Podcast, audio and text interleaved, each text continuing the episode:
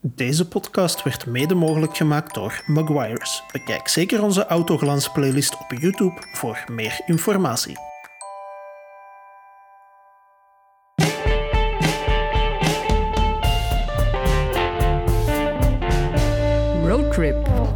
Allemaal en welkom bij Roadtrip, de podcast op de digitale snelweg van Autofans, waarbij we elke twee weken een afrit nemen om te gaan sightseeën in het automobiele landschap. Ik ben Wim van Autofans en bij mij deze week geen Yves Wouters of techniekgod Sven, want wie via YouTube kijkt, die ziet dat we ons op een bijzondere locatie bevinden en die ziet ook meteen dat we ons in bijzonder gezelschap bevinden. Want aan de ene kant zit iemand die voor de tweede keer bij ons over auto's wil komen lullen. En voor deze gelegenheid meteen gepromoveerd wordt tot co-host. Wij bij Autofans zijn vereerd dat we hem een vriend des huizes mogen noemen. En wij hopen dat wij binnenkort eindelijk ook eens op zijn verjaardagsfeestje mogen komen spelen. Sam de Jonge. En aan de andere kant zit iemand van wie Sam dan weer vereerd mag zijn dat hij hem een vriend mag noemen. En door wie wij dus onverbiddelijk naar onze rechtmatige plek onderaan de coolheidshierarchie van deze aflevering worden gebombardeerd. Jullie kennen hem als cartoonist, tv-persoonlijkheid en als wederhelft van Elodie Ouedraogo. Wij hopen dat we hem in, de, in deze podcast liever gaan leren kennen als een connoisseur der fijnere automobiel, Jeroen Snelders. Ja, en natuurlijk ook als Vlaanderen's grootste dilf. dat is toch nog iets dat je vergeten zijn nu. Ah, voilà, ik, zal het, eh, ik zal het meteen toevoegen. Dank u. Hoe hebben jullie elkaar eigenlijk leren kennen? Want eh, jullie Wel, eh, dat is een heel, heel leuk en spannend verhaal dat Sam nu zal vertellen. Voilà, Ja, het, co-host. het, is, het is een soort van liefdesverhaal, hè? een beetje van eh, push en pull Ja. technieken en, enzovoorts. Nee, eh, we hebben elkaar leren kennen eh, bij Curbstone Track Events, waar ik in 2015 of 16 was het denk ik, Mhm. Eh, als coach aan het werken was. Ja. En er werd een auto ingehuurd door, door Jeroen en door eh Philippe Geubels. Mhm. En ik werd daar eh, toevallig en achteraf gezien met veel spijt als coach opgezet. eh, Mhm, om de jongens in de regen te begeleiden. Het was gietende regen. Ja, ja, dat was een heel leuke dag. Aha. Dus ehm, ja, dat was, dat was de eerste ontmoeting. En dat was een connectie voor het leven? Of... Nee, maar ja, we zijn hier nu, dus we zullen Ja. maar ja zeggen dan. Hè. Ze vragen ons altijd tegelijk. Dus eh, Sorry, sorry, echt waar, sorry. Nee, eh Jeroen, ik vraag meestal aan de mensen die bij ons over de vloer komen eh, of er een voorgeschiedenis van autofilie in de familie zit. Maar ik heb ergens gelezen dat je bent opgegroeid op de achterbank van een Rolls Royce. Dus ik neem Ehm, aan dat dat wel klopt. Ja, er was wel, eh, bij ons is dat wel een thema in de familie. Mhm. Van slechte keuzes maken op autogebied. dat zit in de familie. Mhm. mijn, mijn ouders waren hippies in de jaren 70. Mhm. Ehm, en tijdens een oliecrisis, ineens kwamen alle grote auto's met grote motoren waren heel goedkoop. Iedereen moest Ja. er vanaf. En toen heeft mijn vader eh, een geniale ingeving gehad om de Rolls van de, zijn dokter over te kopen. Eh, om daar toch een paar jaar eens mee rond te rijden. Eh, en dus eh, dat maakt dat ik eh, mijn jeugd eh, heb gesleten op de achterbank van... Wij gingen naar, naar Frankrijk met... Ik en mijn broer zo de glazen, eh, de glazen, glazen servies met chocomel in. Zo op het tafeltje van achter. Dat was eigenlijk heel tof. ehm. En voor onderhoud moest hij naar Engeland. Dus mijn vader wou Serieus? de prijzen hier niet betalen, denk ik. en dan gingen wij op reis naar Engeland eh, om eigenlijk gewoon een auto te laten onderhouden. eh. Dus ja, het zit, het zit een beetje in ons bloed. Ah, ja. Zo. Ja, ik moet nu wel zeggen, qua slechte keuzes, mijn achterbank was een Lada destijds. Dus, eh, Ja, ja, en je ziet wat dat er van u is gekomen. Voilà. Eh, dat is belangrijk. Hè. eh, Sam, ik denk dat wij dat vorige keer niet aan u gevraagd hebben. Hè, of dat er zo'n voorgeschiedenis bij u in de familie loopt. Is dat, is dat het geval? ehm, vele achterbanken. Want mijn, vader is, hij was en is nog altijd een autofreak. Mhm. Ehm, dus die kocht ongeveer elk jaar een andere auto, omdat hij het echt niet kon laten. Want Ja. dat is natuurlijk economisch gezien niet altijd de verstandigste beslissing. Eh, maar ik heb veel auto's eh, de revue zien passeren. ehm Saab een aantal keer. Mhm. Dus daar is denk ik bij mij ook al zo de liefde gekomen voor echte auto's. Ja. Ehm, dan, ja, dan ging het later naar Audi, er is een BMW's gepasseerd. ehm, Mhm. Zo'n beetje alles. Een Porsche eh, 993 4S op een bepaald moment. Serieus? Prachtige auto. Ja. Ehm, dus ja, heb, ik heb heel veel auto's gezien, eh, eigenlijk wel door mijn vader. Ja. Ah. Hoe is het met uw Audi RS4 nog trouwens? Want Verkocht. Verkocht is hem weg. Ja, ik, zeg niet, ik zeg dat niet enkel omdat ik hier zit, Eh, maar hij is weg ja, sinds een aantal weken. Ehm, er Ah. stond 355.000 kilometer op. En Dus dat vonden stilletjes aan Snelle kilometers. Ja. Eh, En Ja, dat was genoeg. teruggedraaid dan, of is het... ik heb hem verkocht op 150 ongeveer. Eh Jeroen, was eh, interesse voor auto's een voorwaarde om bij Humo te mogen tekenen? Want ik heb twee keer eh, het voorrecht gehad om met Eddie Vermeulen te kunnen praten. En ik wil hem eigenlijk ook heel graag eens in deze podcast. En die man die kan echt wel bevlogen vertellen over auto's. En hij kan ze ook uit het blote Mhm. hoofd tekenen. Ja, ja, ja Eddie is een goede vriend. Mhm. En die heeft mij echt bij Sint-Lucas, eh, dat is heel stom, maar dat was mijn leerkracht toen, eh, Mhm. heeft mij eigenlijk opgepikt. Maar we hadden al een band, want ik was toen, een, eh, ja, ik kwam aan aan school aan een, een, met een Mini Cooper S, was dat toen. Mhm. En als, ja, dat was direct ja, petrolheads onder elkaar. Hè. Je begint direct te babbelen. En we eigenlijk hebben we heel de dagen gebabbeld over eh, oldtimers en autotechniek. Ja. Ehm, en dan, ja, dan is die vriendschap ontstaan. Ja. Eh, Mhm. dus dat is, geen, eh, dat is- geen vereiste, maar dat heeft mij wel geholpen om zo, ja, dat heeft in mijn carrière al wel een paar keer voorgevallen. Hè, van je babbelt over auto's en het, het werk vloeit voort uit die vriendschap. Ja. Voilà. Is, is er dan nooit zo het idee geweest bij u van uw tekentalent te gebruiken voor auto's? Of iets in de auto-industrie ermee te doen? Ehm, ik denk dat je mijn tekentalent iets wel overschat. eh. nee, nee, maar dat is echt een andere wereld. Hè. Dat gaat over echt ontwerpen. Mhm. Ik ben meer, eh, Meer ja, grafisch eh, artiest, noemen ze dat zeker. Ja. Eh, maar ik probeer nu wel eh, af en toe eens met, iets met auto's te doen. Hè. Dus dat, dat werkt nu wel. Ja. Het resultaat staat hier achter mij. Voilà. Dat is het beste dat ik kan doen. hè. Dat is het Ja. hoogste haalbare. Ja. En hoe is de, de fascinatie voor racerij en zo dan ontstaan? Eh, wel, ik heb als kind eh, Sam zien racen natuurlijk. En dan dacht ik Klopt, altijd... ik ben eigenlijk 108 jaar. Eh, ik ben, dat zit ook in de familie. Eh, ik zeg het, wij, wij waren echt... Mijn, mijn moeder bijvoorbeeld had, want dat heb je net vergeten te vertellen, die eh, had een, een 2002 Turbo BMW. Mhm. Dus om maar te zeggen, eh, dat zat er echt in. Op zondag eh, was de traditie Formule 1 kijken met mijn vader. eh, in slaap vallen na 15 ronden. en dan wakker worden eigenlijk als het net gedaan was. Zo, ah, ja. toch, ja. En eh, dan, dat was echt onze, ja, onze familiedutje dat Mhm. we deden. En dat is heel stom. Ik doe dat nu dus ook met mijn kind. Ah, mijn ja. kleine van eh, vijf jaar. Dat, dat, dat herhaalt zijn eigen gewoon geschiedenis. Dus eh, ik weet totaal niet meer wat uw vraag was. Maar ik zal gewoon blijven Hoe de fascinatie voor het racen was ontstaan. Eh, dus dat zit er voilà, ook in van, er Ja. is, ja, dat zit van jongs af aan in. Er is niks zo Mhm. mooi als een racewagen eh, of flatstand 10 te zien rijden op een circuit Ja. Tegen hoge snelheid. Dus. Eh, je hebt daarnet mijn volgende vraag al een, al een beetje beantwoord van of dat jij van hem circuittraining hebt gehad, maar hoe doe je Rome het eigenlijk op circuit? Is het... Ja, het is ondertussen al even, eh, het is ondertussen al even geleden. Ehm, hij is nog ouder geworden. Dus ja, Dus zachter in mijn reflexen, wat dat eigenlijk beter is. iets langer recupereren aan een ja. nee, maar eigenlijk wel, wel goed. Mhm. Ehm, want staan met Philippe Geubels, in die zin misschien een slechte referentie. Oei. maar dat was wel eh, een beetje dramatisch eh, bij, bij Philippe, in het begin toch? Ja, ik heb Philippe eh, op het circuit geïntroduceerd. Ja. Mhm. Eh, ik had er ook meteen spijt van. Eh, want de man eh, kwam naar zo'n trackday, was dat toen, van Curbstone, denk ik. Mhm.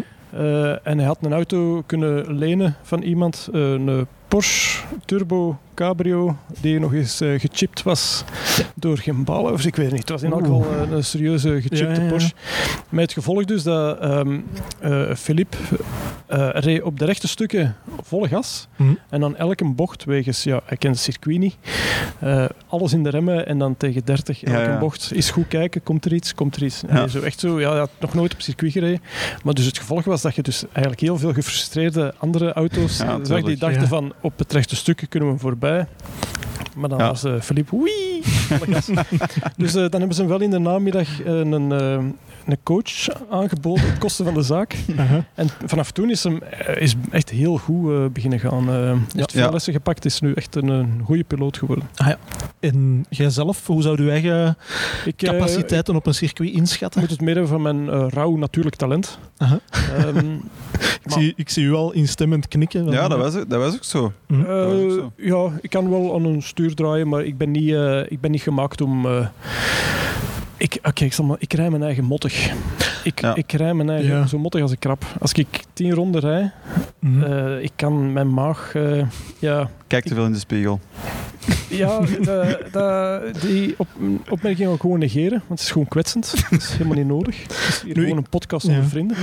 Maar ja, ik heb het probleem dat ik... eh, ik kan ook bijvoorbeeld met niemand meerijden. ah nee, Als ik met de. Sam Ja. meerijd, Ja. twee ronden is dat, zet maar hier maar af. Want, eh, eh, en dus met mijn eigen auto is het iets beter. Mhm. Maar ik kan me niet inbeelden dat ik een hele race eh, in een auto zou zitten zonder te beginnen ja, ik- braken. Ik moet inderdaad toegeven, ik heb een paar jaar geleden mochten we met Audi's op Francorchamps met een R8 eh, rijden. En echt, ik had na vijf, zes ronden exact hetzelfde probleem. En dan Ja. mezelf inderdaad zo... Dan zakt al verder en verder af in dat treintje. En op den duur denk je, ja, ik ga misschien de volgende ronde even uitzitten. En Ja, dat is ook de reden dat ik ook nooit eh, die carrière heb Mhm. verder gezet. Maar ik vind het ook niks zo leuk als mijn trackday gewoon echt rijdt vier, vijf ronden, allee, vol een bak. Ja. En dan echt gewoon eens eh, een half uur wat tegen banden trappen in de pits, wat, Ja. wat eh, uw eigen prestaties wat ophemelen. Praten En- erover. ja, Ja. shit talking, hè, dat is Ja. eigenlijk 90% van de tijd. En Dat zeg je Dat de meeste klanten ook wel doen, hè, op track days. Ja, daar ben, daar ben ik dan weer heel goed in. Dus dat is eigenlijk... eh, Ah, Wel, ik wou net de hoe fanatiek onmisselijk zij van. daarin, maar... Daar ben ik zeer fanatiek in. Ja, ik eh, ja, ja, probeer mensen echt eh, te, ja, klein te krijgen naast het circuit. Voilà. Dat vind ik heel tof. Zijn er circuits eh, die je al gedaan hebt ondertussen, of auto's waar dat je mee gereden hebt, ehm, waarvan dat je zegt, dat is mij wel bijgebleven? Of heeft Sam u misschien al eens met iets jaloers gemaakt, waarvan dat je zegt van, godverdomme Sam, zwijgt, want... Op circuit of? Ik ken Ja, zijn, auto's of circuit? Ja, zijn nieuwste vriendin heb ik nog niet gezien. Maar ehm voordien viel dat eigenlijk... Ja, nee, Is het weinig de om eh, jaloers over te zijn. Maar, eh, nee, ja, eh, maar je hebt dat soms, heeft iedereen. Hè, op een bepaald Mhm. moment zo van die, de juiste auto op de juiste plek, eh, in de juiste omgeving. kan heel veel Ja, doen. dat, dat, en of Ja. dat dan nu een Espas is eh, met het dak open in, allee, dat- in een, op een, een Franse autosnelweg. Of Ja. ik heb zo wel, ja, ik- in mijn hoofd zitten wel een paar van die of rondjes op Spa dat je zo de perfecte bochten hebt gereden. Ja. Dat, dat blijft u wel bij. Ja, Mhm. Maar dat is dan los van eh, een dure auto of niet. Dat kan echt bij de meest. ja, nee, het stomste- kan inderdaad ja. zijn dat je zegt van... het is echt een verbondenheid dat je Ah, moet voelen met Ja. een auto. Dat Ja, is voor is- mij ook, als ik, als, ik, als ik een auto koop of zo, dat is, of ermee rij en zeg, is, is het goed of slecht, dat heeft enkel daarmee te maken. Mhm. Niks met pk's, niks met wat er zo Nee, gezegd voilà. over gezegd wordt. Het is de Ja. verbondenheid dat je ermee moet voelen. Ehm, en in die zin moeten auto's wel emotie hebben. Ja. Ehm, en dat is niet overal zo. Dus Voilà. gelukkig maar misschien. Zoals, eh, moet- nu moet je wel merken noemen. Hè. Sam, eh, BMW is wel in en al emotie, vind ik. Ik wou net zeggen, Jeroen is weg, Sam, dus je mocht vrij uitspreken. Ehm, ja, we moeten het misschien ook eens heel even hebben over die M2CS Racing eh, achter u. Heeft BMW al spijt van de vrijheid die dat ze u hebben gegeven in het ontwerp? Ehm, nee, want zijn mijn eerste ontwerp eh, hebben ze in Duitsland eh, ja, geannuleerd eigenlijk. Ja. Eh, Bos ja, ik ga er niet te veel over vertellen, maar dat was, ehm, het was iets anders. Het was, Mhm. eh, maar dan is het deze ontwerp geworden en ik ben er achteraf gezien eh, eigenlijk heel blij mee. Omdat Ja. het, eh, ik had niet, het was een gok, want Mhm. je weet niet of dat zoiets in het echt gaat werken totdat het echt voor uw neus staat. Ehm, maar ja, het is, eh, Sam heeft er al mee gereisd. Het, is, het werkt. Hè. Het Ah, is, voilà. Ah, wel, dat wou ik inderdaad vragen. Het, het beoogde effect is Ja, ook het effectief. grappige is, als je het eerst ziet, en, en dat was ook bij de onthulling met, met de pers erbij, dan Ja. denk je, oké, ja, leuk gevonden, maar werkt dit echt? En dan als je het ziet op circuit, van op afstand, op, op foto's, dan, Ja, dan is het wel echt direct. cool. Ja, ja, ja. Ja, want Ehm, mijn rapper eh, had al een foto gestuurd, die was de hele dag erom bezig. En die zei, eh Jeroen, ik ga even stoppen, want ik ben te mottig aan het worden. en dan dacht ik van, ach ja, Dan, dan het zijn inderdaad iets goed aan het doen. werkt. Ja. Nu, ehm, als ik mij niet vergis, heb je ooit ook de, was het de Ferrari van Tom Bonen onder handen genomen met een... Dat was mijn eerste auto. ja. Ah, wel, voilà. Ja. Zijn, zijn er mensen die nog met een gerust hart hun auto uit handen geven aan u om te zeggen van doe er maar mee wat je Ik wilt? heb er sindsdien nog wel een paar gedaan, maar ehm, ja. Tom was... eh, maar eigenlijk, ja, ik weet niet, ik was er niet bij toen. Waar jij erbij? Op Spa? Nee, hij heeft hem ergens de muur in geparkeerd. Hè? Ik weet zelfs niet Ja. waar dat was. Nee, in maar, eh, Spa, Blanchiment. Ah ja, Ja. juist. Ja. Ja, het was een ophangingsprobleem. eh, is Mhm. hem eh, een bocht uitgevlogen. En dat was op de eerste dag dat hem eigenlijk met die rap eh buiten kwam. maar het toffe was, eh, dat is een hele goede foto van... Ik had op zijn achterwiel had ik een Jezus gezet. Dat is, die- ja, wel, de Jezus te mij inderdaad Ja, voor de geest. Die dan eh, iets opriep van... eh, eh, God, eh, spaar mijn, mijn band. Ehm, en dat was die kant die dan net heel hard geraakt was. Ja. Dus eh, dan, dan zie je de tweede foto zie je echt heel die ophanging ingeklapt. Eh, maar dat was mijn eerste auto. Dat was eigenlijk op vraag van Tom. Dat was voor een goed doel. Mhm. Ehm, en dat was eigenlijk, ja... Waarom niet? Hè? Je- Ja. Dat is eigenlijk, was eigenlijk een heel leuk, leuk idee. Ja, en, en dat is ook wel iets dat we het er juist ook wel over hebben gehad voor de podcast. eh, Mhm. Dat jij ook zei van de serieus die er in racing aanwezig is, Ja. die, die, die veel te veel aanwezig is. Als je naar de geschiedenis van autosport kijkt, is dat niet onlogisch. Mhm. Dat is, dat is denk ik in jouw geval dan ook wel leuk om er soms eens iets in te kunnen doen dat mensen... Ja, dat is echt wel een, een, een, een sport waar dat humor nog niet veel wordt bedreven. Mhm. Ehm, er valt nog veel in te halen op dat vlak. Ja. En ik snap ook wel, je moet serieus genomen worden. Mhm. Eh, als merk wilde... allee, dat is een wereld waarin... Dat, Ja, tuurlijk. Het, is, het is een en al PR en, en Voilà, uithangbord van. Maar, Voilà. En heel veel testosteron en Ja, weinig, voilà. weinig gevoel voor voilà. eh. dus eh, dat is eigenlijk wel eens tof om daar dan eens zo eens, soms eens in te prikken. Ja, Zo, ja. ehm, met, met ontwerpen, met, ja. Allee, er, er valt nog veel terrein te winnen op dat vlak. Ja. Ik ken iemand die een, eh, een M3 heeft gekocht, denk ik, waar eh, misschien nog wel iets van te maken valt. Ja, maar ik werk niet voor eh, Jan en alle mannen. Het is natuurlijk... ja, sorry Sam. eh, Het is, Nee, het is de- oké. In M3 is al grappig genoeg als Sam erin zit. Dan- Ja, je vertelde daar straks voor de podcast inderdaad ook iets van, eh, was het de Formule 1 auto's van zoveel jaar geleden? Met, eh, dat vond ik ook wel... Ah, wel, om maar te zeggen, dat was eigenlijk mijn grootste Ja. vorm. Want ik ben opgegroeid met, als, als kind met de artcars van BMW. Dat vond Mhm. ik echt fantastisch. Al de twee werelden van mijn twee passies kwamen samen. Ja. Eh, en dat was dus bij de Williams. eh, ik denk Nigel Mansell heeft er nog mee meegereden. Mhm. Eh, de eerste Nintendo die uitkwam, eh, de, de Sega. En die hadden aan hun voeten hadden die een raampje eh, geschilderd met de voeten van Sonny the Hedgehog. Ja. Die zo aan de pedalen zat. En ik was, ja, ik denk negen jaar of zo. Bij mij was dat. Dat kwam binnen als, dat is fantastisch Ja. gevonden. Hè. Tuurlijk. Ik was grote fan.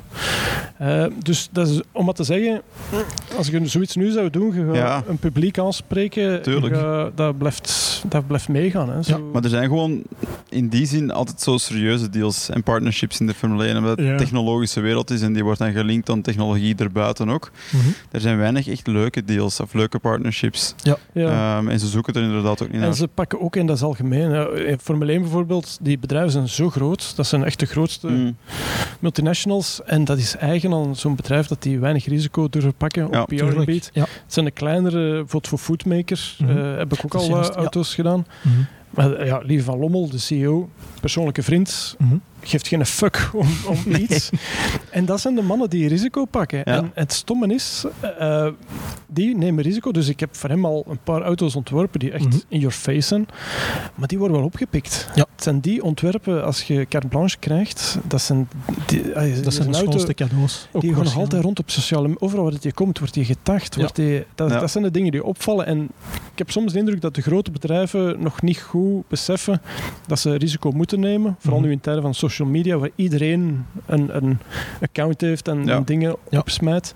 Je moet verschil kunnen maken. Mhm. En dat vrees ik, ja, dat zal ooit nog wel veranderen. zeg Maar dat is eigen aan grote bedrijven dat die Ja. voorzichtiger zijn. Het, eh. het karakter een beetje eigenlijk. ja, voilà. Ja. Ja. Hangt natuurlijk ook wel een beetje samen met van wie dat het doet. hè.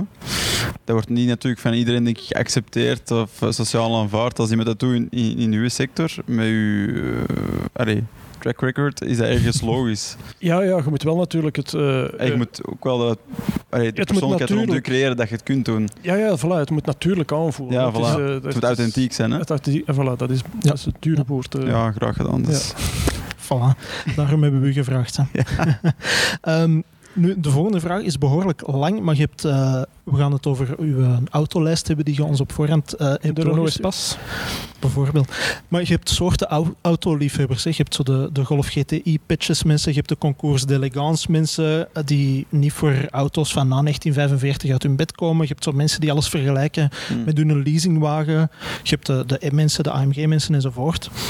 Je hebt dan eclectische zotten zoals Yves en mijzelf. Wij kopen Yaris T-Sports, wij kopen Swift Sports, SLK's met 300.000 Waar we het niet over kilometer. seksuele geaardheid hebben, daar trek ik de grens. eh. Voilà, kijk. Ehm, maar ik vond het voor u moeilijk om, daar zo, om u in zo'n hokje te plaatsen. Want het ging echt van... Ik zag daar Porsches tussen staan en BMW's, maar evengoed inderdaad de Renault Espace, zoals je daarnet hebt aangehaald. En Ja. Morgan stond er ook bij. Ja, bij mij is het meer de- het realistisch. eh, in, ik ben eigenlijk een. Ik beschouw me. Ik heb. Hoe- Hoe moet ik dat uitleggen? Ik heb verschillende fases in mijn leven Mhm. die dan ingevuld worden en mijn vervoer reflecteert mijn noden op dat moment eigenlijk. Dus dat is eigenlijk het belangrijkste. Ja. Dus die Renault Espace heb je nog altijd. Of, eh, Sam, wederom, zo een gemene opmerking. ik heb niks tegen Renault Espace. Dat is een icoon zoals de Porsche 911. Ja. Dat is een van de eerste. Je moet Mhm. dat, allee, ik heb er alle respect voor. Als ik naar de eerste, je ziet ze nooit meer, omdat ze allemaal kapot zijn. Maar de eerste Renault Espace, die zo heel, het plastic, dat is toch... Ja, dat- welke, generatie was het? Was het een allereerste? Of, eh? Nee, nee, nee. eh, de, eigenlijk degene die nu nog altijd rondrijdt. Eh, ze hebben die nooit meer eh, vervangen. Uh-huh. Ah nee, ze hebben hem nu vervangen, de vorige versie. Dus niet de, niet de nieuwste, maar de vorige. Ah ja, Vraag me ja. niet van wanneer. Wat hebben ze van die eerste versie ook geen Formule 1? Daar hebben ze een Formule 1 van wagen van Ja, was dat de eerste of de tweede? Ja, Dat een even tweede zelfs. zijn. Echt fantastisch, met allemaal van die kuipstoelen in. Mega Zie, dat, erop. dat zijn dus bedrijven. En dat, het feit dat we er nu nog over praten, Klopt. dat is dus de meest belachelijke voorstel ooit Ja. in dat Mhm. bedrijf. Van, zullen we er eens een Formule 1 mo- Ah, in steken? Maar waarom Ja. niet? En Voilà. En het werkt, hè. we zijn nog Ja. altijd, ah, tien jaar, twintig jaar later, nog altijd Ja, weer aan het praten. Maar dus, eh, de, om eh, het voorbeeld van Espas, Mhm. pas bijvoorbeeld, ik had een hele dikke Labrador die eh nimmer in de TT, eh, Audi TT paste van achter. Die wou gewoon nimmer mee. Ehm, dus dan heb ik die, ja, dat- en dat is heel stom, dat bedoel ik nu met het. Ik ben toen met Hugo Matthijssen mee moeten rijden ergens naar, naar een, een studio. En ik zat ineens in die captain chairs van zijn Espas. En ik dacht van, dit moet ik hebben. Dit is het leven. Dat is echt zo met twee leuningen. Hè? Ja. En daar rijdt, hij Ja. reed heel romig en heel traag. Maar dat was een hele comfortabele Mhm. auto. Ja. En met een dikke Labrador, die kon van achter er, eh, had alle plek. Ja, voilà. Dus, eh, en op dat moment, en ik pakte ook heel veel vrienden mee toen. Mhm. Ik, had, eh, ik was vrijgezel.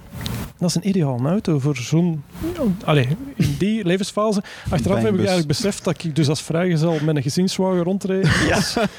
En als getrouwd man met een, een sportcoupé. Ja. Dus ja, eh, dat is weer een foute keuze. Ja. Maar dus mijn lijstje kan ik perfect verklaren door Mhm. op dat moment stond ik Ja. zo in het leven. Ja, ja, ja. Maar ik had ook gezien in die lijst een Audi TT, de eerste generatie. Dat betekent nog zonder te spoiler of met... Eh, ik had eh, die met... eh, Ja. Bij mij Ja. hebben ze die... ja, de- ik had degene die er al was opgeplakt nadat er eh, Ja. 4000 mensen gestorven waren. Exact. ja, dat is waar. Ik heb daar onlangs vorige week ook nog naar aan het zoeken geweest naar die eerste generaties, maar zo specifiek om dat baseballinterieur. Ja, ja, het baseball. Dat, Was het, eh, Maar dus Eddie Vermeulen, ja. Eddie Vermeulen, de, de grote ja, Bauhaus-liefhebber, die, Mhm. die vond die... Dat is eigenlijk... Een TT is een van de enigste auto's die rechtstreeks van het concept is In op productie de weg gezet. Hè. Meestal zie je dat dit is het concept en dan zie je dit ineens- Ja, ja, ja. het oksel is... Ah, eh, De ramen zijn toch ineens wat groter, de wielen zijn wat kleiner. En bij een TT is- hebben ze echt bijna letterlijk het concept op de weg gezet. Ja. En Eddie was zo'n fan, heeft er direct een gekocht. Een Ah. groene, zoals altijd bij Evermeulen. En weer hetzelfde, hè, want wij gingen Mhm. dan samen, auto's in die tijd kochten wij samen dan, allez, als ik een auto ging kopen, dan pakte ik Eddie mee en andersom. Ja. En effectief, je zit ineens in zo'n TT en je denkt van, fuck, dat is hier echt die eerste, dat was, was een, een allez, Dat inderdaad. Als je dat, iedereen op de Ja. weg die keek, dat was nog nooit gezien. Ja, ja. Ja. Eh, en dan heb ik er een beetje later eh, eh, heb ik dan ook een zwarte eh, gekocht. Mhm. Ik vond dat een fantastische auto. Ja. Dat is, Dat is een beetje het probleem. Daarna wordt, de- voor mij, de generaties daarna, die hebben altijd wat persoonlijkheid ja, verloren. het, was, het is echt een eerste een originele die nog Ja. altijd... eh, Ik ga het niet te luid zeggen, maar ik heb dat met de Z3 bijvoorbeeld ook. Die allereerste Z3, die hele kleine. Zo Mm. alles wat erna kwam. Goh, de, die daarna was misschien ook nog wel tof, maar ze werden dan ja, dat vinden wij dus niet dat- hoor. Wij nee. vinden dat BMW, dus BMW, altijd tot betere, nooit. betere producten maakt. eh. Nooit, nee, inderdaad. Eh, misschien moeten we het dan, als die mannen, eh, als het klanten zijn, dan kunnen we het luid op zeggen. Als het mensen zijn van hier, moeten we iets stiller zijn. Maar even beginnen bij Porsche ook. Ehm, dat is in automiddes, dat is zo'n merk dat niemand echt onbewogen laat. Hè. Ofwel ze er 100% voor, ofwel ze er radicaal tegen. Maar die middle ground die zit daar bij heel weinig mensen in. Eh, ik heb eh, een interview in Humo gelezen waarin dat je zei dat bij u een, een genuanceerd verhaal is, eh, stond erin. Want dat alleen de 9-11 generatie is. Ja, ja, de rest interesseert mij geen hol. Nee, totaal Nee, niet. nee ja, dat is echt gewoon effectief. Eh, Zo'n groot, ik zou niet, ja, dat heeft mij, zullen goede auto's zijn, hè, maar dat zegt mij Mhm. eigenlijk gewoon niks. eh. Ja, want er wordt vaak ook gezegd van die, die Boxsters of de dingen met de middenmotor, van eigenlijk rijden die... Ja, maar pas op, zo'n GT4 en zo mogen ze mij altijd geven. Ehm, maar ik, eh, dat is heel raar, maar dat zegt mij gewoon weinig. Eh, Ja. Ik ken er ook niet zoveel van. Ik ben echt zo'n een, een nerd op dat vlak. ik ken enkel 911 eh, en de rest kijk ik wel eens, maar Maar dat blijft ook de belangrijkste uiteindelijk. hè? Ja, het is, het is echt het, hoeksteenmodel inderdaad. Hè. Ja. Ja. Ja, het is zo lekker dat je naar porno surft. Hè. Je gaat altijd naar uw categorie. Naar uw En bookmarks. soms klikt het op iets anders. Maar je blijft toch altijd... niet altijd even je goed. gaat altijd terug naar de originele categorie. hè. Dus En heeft het dan specifiek met die setup ik kan niet over die categorie praten. Dat moeten we nu echt achter ons laten. eh. de- Oké. Eh, maar is het dan specifiek omdat het de motor helemaal achteraan zit, dat de setup anders is dan... Ik denk het, ja. De, onder andere, hè, het is dat, het volledige pakket. Hè. Mhm. Dus het feit dat die klein is. Ja. Eh, want ik heb nog altijd de 997.2. Mhm. Ehm, die mag ik niet verkopen van mijn eh, kleuter. Die, die echt in alle staten is. Als, over uw vrouw. nee, maar het, is, eh, het feit dat je die, eh, echt dat, de, de rugzak, hè, zo, dat is een rugzakje dat je Ja. aan doet. Ja. Ehm, hij is praktisch. Mhm. Hij valt ook niet te hard op. Want dat is in mijn geval wel meegenomen. Ik, Mhm. ja, Welke, welke gedoe. kleur is het? Is het een donker? Of een zwarte, gewoon Ja. een, een basiskleur. Ehm, hij- ja, ik vind dat een, een auto die je elke dag kunt gebruiken, eh, die niet opvalt in elk weertype. Kan die, ik gebruik die vooral in de winter eigenlijk. Ja. Ik zet er winterbanden op Mhm. en ik rijd er overal mee naartoe. Ja, ja. Dus het is een totaalpakket. Eh, ik snap wel dat als je een derde auto of een vierde auto, dat je dan iets specialer wilt. Mhm. Maar voor gewoon zo de, voor in het gewone dagelijkse leven is er geen betere Ja, dat is, eigenlijk, voilà, dat is eigenlijk echt een daily driver, maar wel met performance wanneer je het wilt. Hè. Ja. Ja. En dat unieke karakter. Hè. De- Mhm. het feit dat ze doorheen de jaren gewoon altijd die hertekenen, maar op een manier dat je nog altijd Ja. de 9 en 11 kunt herkennen. Eh, Op dat vlak is het een beetje de Espas van de. Ja, van Duitsland. van, ja, van Duitsland. Hoe zit dat bij u, De, de Porsche, eh zit jij voor of tegen? Of, eh, Zeker voor. Ja. Eh, niet zo voor als voor BMW. mhm. Eh, Je mocht vrij uitspreken, Sam. Je mocht eh, vrij uitspreken. Knipoogt met uw ogen. Hey, want ik wil even nog wel zeggen, ik ben dus niet gesponsord door geen enkel automerk. Ik praat hier vrij uit. Voilà. En ik herhaal als nogmaals. disclaimer Ja. in beeld Dat brengen. BMW het Ja. ook hoort. Ik ben niet gesponsord. Ik vraag me eigenlijk af waarom niet. Maar ik geef dus al mijn eigen geld uit aan auto's. Ah, dat is de enige garage waar wij zonder mondmaskers dit mochten opnemen, dacht ik. Dus eh, Puur toch. Omdat er toch geen andere klanten zijn. Hè. Ja. Ja. Kom hier nooit, nooit volk hier. nee, ik heb, ik heb wel echt... ehm, ik ben vroeger... Daarmee is mijn, mijn racinginteresse ook gekomen. Mhm. in Duitsland met mijn vader naar de Porsche Cup gaan kijken. Dat waren toen 993's.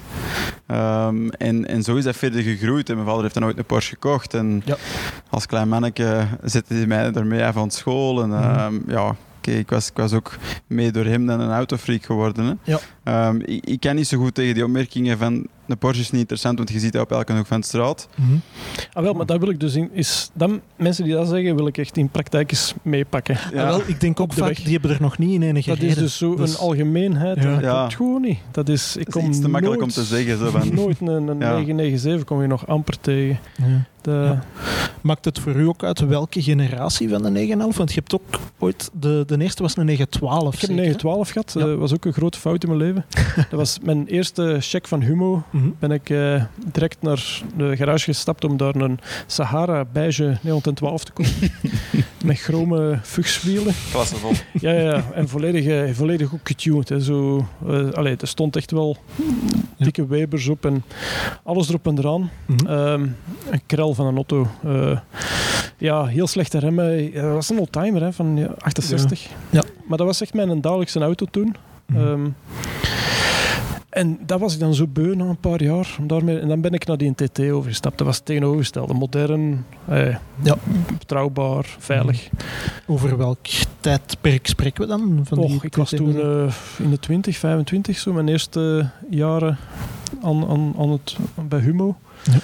Ehm, ik denk dat dat, ja, dat zal nu een 20, 25 jaar geleden de la- Ja. late jaren 90, zoiets. Ja, Maar dat is toch ja, cool, want 2000. uiteindelijk ehm dat zijn nooit goede economische beslissingen om te, om te nemen. Maar heel mijn autogeschiedenis staat vol met Geen goede economische verkeerde beslissingen. beslissingen. Dat is Oh, echt, als ja. ik nu op terugkijk, van oh fuck, hoeveel geld dat je... Ja, Maar ergens vormt dat je leven een stuk meer. Tuurlijk. Dat is het leuke aan auto's. natuurlijk, ja, dat, is een heeft mij heel veel ervan. plezier eh, Ja. En dan kun, je, dan kun je zoveel jaar na datum bij een amateuristische podcast erover komen vertellen. Hè? Dat is toch... Voilà. En dan daar... eh, Zelfs ons erbij hebben.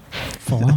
Eh, maar dan moeten we misschien ook wel eens vertellen over die Morgan. Het was de, de Aero 8 Ja. met de, de, de schele ogen, had ja, gezegd. schele ogen. Ja, wederom een eh, grote fout. Dat, dat vind ik wel echt Dat cool. vind ik fascinerend. Dus, allee, ik heb nooit geweten of dat dan nu een goede of een slechte auto was. Of... Ja, er zijn niet veel van eh, om de weg geweest. Hè.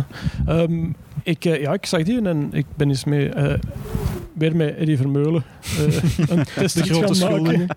een test gaan maken. En ik heb, eh, ik heb die ja, on the spot gekocht toen. eh. Mhm. Eh, ik denk dat ik toen eh, van mijn TT kwam. Dat ik die heb, Ja. TT heb ik ingeruild voor de Aero 8. Eh, maar dat was dus, voor mensen die niet weten wat het is, Morgan, Engels, met een Duitse V8, BMW V8 Mhm. Ja, dat was, toen, was dat niet hun eerste, mo allee, zogezegd moderne Ja, poging Ja, tot... dat was hun eerste Ja. moderne. We zijn ze ook mee gaan racen. Ehm, en dat had een 4,5 liter V8 van BMW. Mhm. En alles aan die auto ging kapot, behalve de, de motor. Dus Ja. ik wil hier ook de mensen van BMW nogmaals bedanken. Ehm, maar dat, in praktijk, dat ziet eruit... Ik hou van auto's met karakter. Dus Ja, dat moet ook zeggen van lelijke auto's. Ja. Dat, is, dat moet... Maar het is bijna een gimmick, hè, die auto. Ja, pas op. Als je hem in, het- een- in ik het vind- echt ziet staan, in het metaal, dan Ja. Past het wel. Zo. En Ja. die ogen, ze hadden de, de lichten van de Mini van toen Mhm. erop Dat is gezet. juist, Ja. ja.